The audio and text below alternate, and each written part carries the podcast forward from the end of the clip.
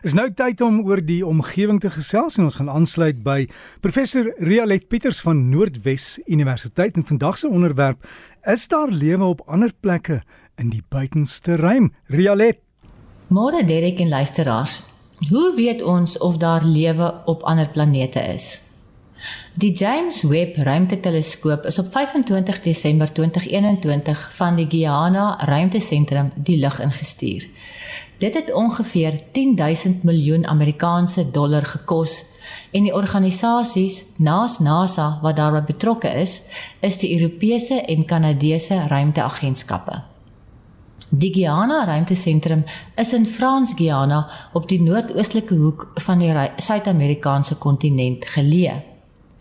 Die James Webb teleskoop is ontwerp om infrarooi astronomie te beoefen en een van die vrae wat hierdie teleskoop moet help beantwoord is of daar lewe is op ander planete in ons sonnestelsel. Dit bring my by die artikel van Elise Katz wat op 9 September 2023 aanlyn in Knowable Magazine verskyn het. Hoe sal ons, die mensdom, weet of daar lewe op ander planete moontlik is? 'n Antwoord soos dat water en suurstof teenwoordig moet wees is seker een van die moontlike antwoorde vir alles ons aanneem dat die lewe op ander planete soortgelyk aan die lewe op aarde moet wees. Maar hoe sal die James Webb teleskoop met sy infrarooi tegnologie so iets kan vasstel sonder om op die planeet te land en monsters te neem en terug te bring aarde toe?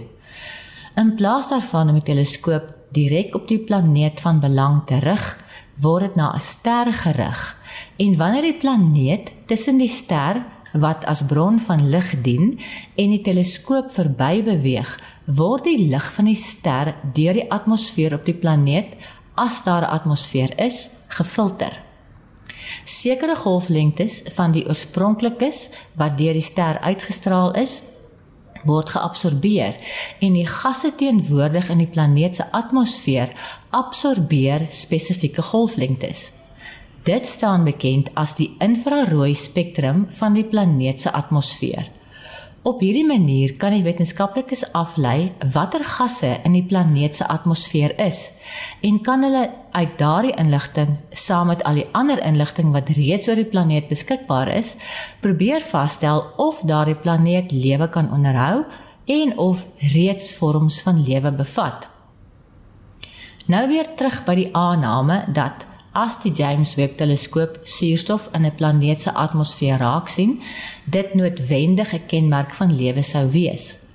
Vir lank het wetenskaplikes aangeneem dat hulle net vir die teenwoordigheid van suurstof hoef te soek, want die baie suurstof in die aarde se atmosfeer kom van al die plante wat fotosintetiseer. Maar suurstof kan ook ontstaan uit ander prosesse. Sonlig kan watermolekules uitmekaar breek en so die suurstofmolekuule daarin vrystel.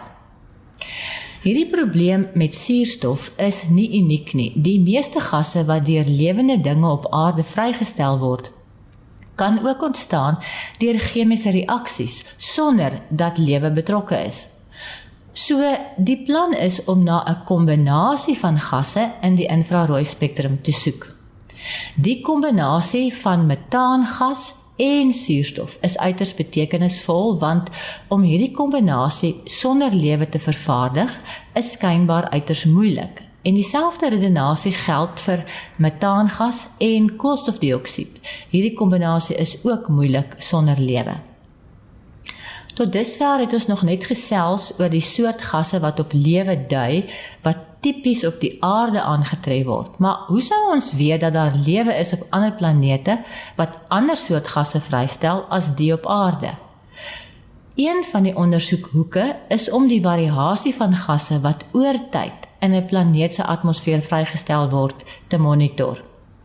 Wetenskaplikes neem aan dat as die infrarooi spektrum gereedelik varieer, dit 'n aanduiding van lewe sou wees, meer en minder gasse van verskillende soorte wat deur die lewe vervaardig sou word.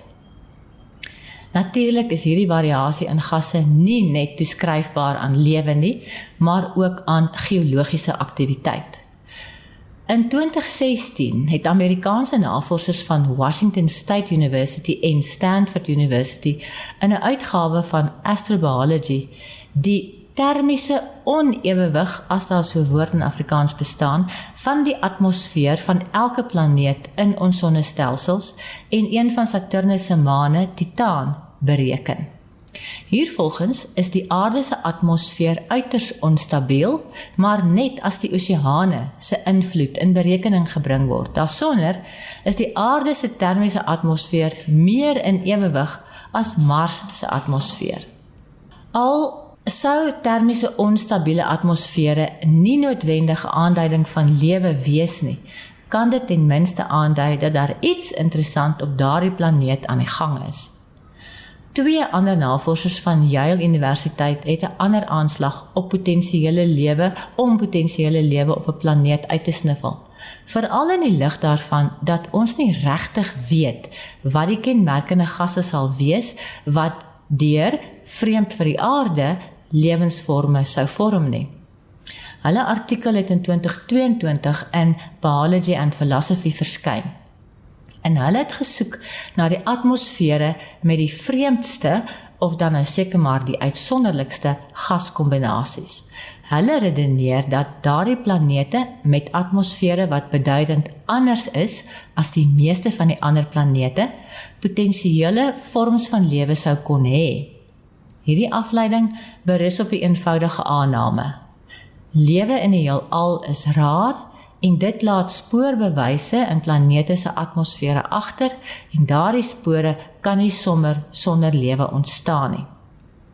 Een van die navorsers erken dat hierdie aanname natuurlik heeltemal verkeerd kan wees, maar hy het bygevoeg as mens nie aannames maak nie, is dit moeilik om enige wetenskaplike vooruitgang te bewerkstellig.